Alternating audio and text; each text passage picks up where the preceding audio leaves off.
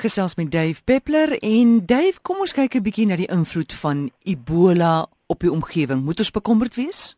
Amore, ek dink die teenpool is eintlik waar. Ons moet in 'n klein mate dankbaar wees vir Ebola, maar kom ek gaan haal dit nou. Ons stel die hele ding gou in konteks.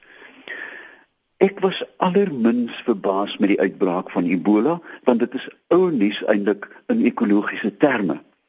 Jy weet, lees 'n bietjie die Bybel, die plaag van Egipte, né? Nee? Maar een ding wat 'n mens kan voorspel, amore, plaag breek uit waar mense saamwoon. Hulle breek nooit in isolasie uit nie.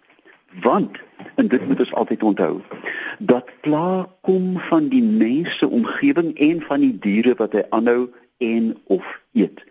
Pokke, waterpokke kom van die koeie af. Jy verstaan? Ons hang mos aan die goed so speete gewonder ons kry die siektes. En baie ander siektes, tuberkulose byvoorbeeld, kom van ons koeie en beeste en hoefdiere af.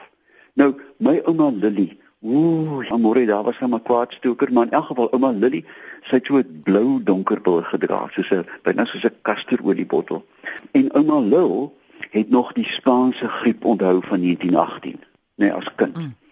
En dan het sy my na die, nie die kerkhof nie, die kerkhowe toe geneem en daar het die ongemerkte grafte gelê. Nou, in 1918 en môre dink 'n bietjie aan 500 miljoen mense het dit opgedoen en hulle dink dat tussen 50 en 100 miljoen het gesterf.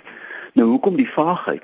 Ons het vandag nog die vaagheid oor Ebola. Hulle dink soveel mense is dood, maar dit word uiteraard nie gerapporteer nie. Nou in teenstelling met wat almal dink, is dat die groot griep het in Frankryk in die in die loopgrawe van die Eerste Wêreldoorlog ontwikkel, nie in die ooste soos almal dink nie. Dit was ook natuurlik deel van die N1H1 virus wat vandag nog sy rondes doen.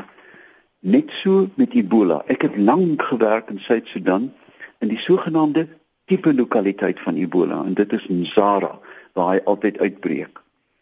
Hoekom breek hy daar uit? Dit het ons lank geneem om uit te vind amore dat dit te doen het met mense wat vlermuise, die sogenaamde bosvleis, bushmeat eet. Natuurlik, ek het met 'n masker rondgeloop, net piesangs afgeskil en my water laat invlieg. Ek weet hoe simpel kan 'n mens nou wees. Net soos met die groot griep van 1918 gaan Ebola 'n tweede, derde en moontlik 'n vierde mutasie deur. Hy's nog nie gevaarlik nie, amore, hy wag tot hy muteer. Maar kom ons kom terug na die natuur. Hoekom is daar so 'n groot uitbraak van Ebola? En raai wat is die antwoord? Jy gaan nie weet nie. Paaie. As die mens 'n pad maak deur enige gebied, is dit die grootste invloed op biodiversiteit denkbaar. Meer as afkap, meer as besoedeling is die pad, is die slagaar van ontginning, maar ook van siektes. Weet jy Amore, as jy kyk na die epidemiologie van HIV in Suid-Afrika, dan lê dit op alle paaie wat met 'n N begin, die N1, die N2, die mm. N3, want die die uh die vlinders van die nag staan mos teen pale op daai paaie, jy verstaan, vir die vir die vragmotors se se vermaak. En hierdie paaie is altyd die kroonare van epidemies ook. En Ebola word verbind deur paaie omdat mense kan beweeg. In die ou dae, môre jy vleermuis geëet, jy het Ebola gekry, jy en jou nabye familie is dood of die dorpie dalk, maar jy het nie beweeg nie. En nou kan ons beweeg. Hmm. En my afleiding in mag ek gestraf word hiervoor is dat Ebola gee die natuur 'n blaaskans want ons staan stil en ons is bekommerd oor ons gesondheid. En nou haal die hele natuur asem want hulle kry nie Ebola nie amore. Dis ons wat dit kry. So eintlik my sedeles hiermee is, ons moet begin dink dat epidemies, soos die Bybel voorspel het, net die in die dae is die natuur se reaksie op ons misbruik van die omgewing. As ons te veel diere aanhou binne in ons huis, varke, hoenders, ganse, die spul hoes en nuus op mekaar, virusse spring heen en weer en muteer. As ons nie kan hoenders aanhou nie, as ons nie kan beesvleis eet nie, eet ons vlermuise want ons is energiehonger. As ons vlermuise eet, moet ons die natuur beskadig, ons moet uit bome gaan haal en nette vang. En so word ons siek aan môre. Die natuur is besig om vir ons groot lesse te sien.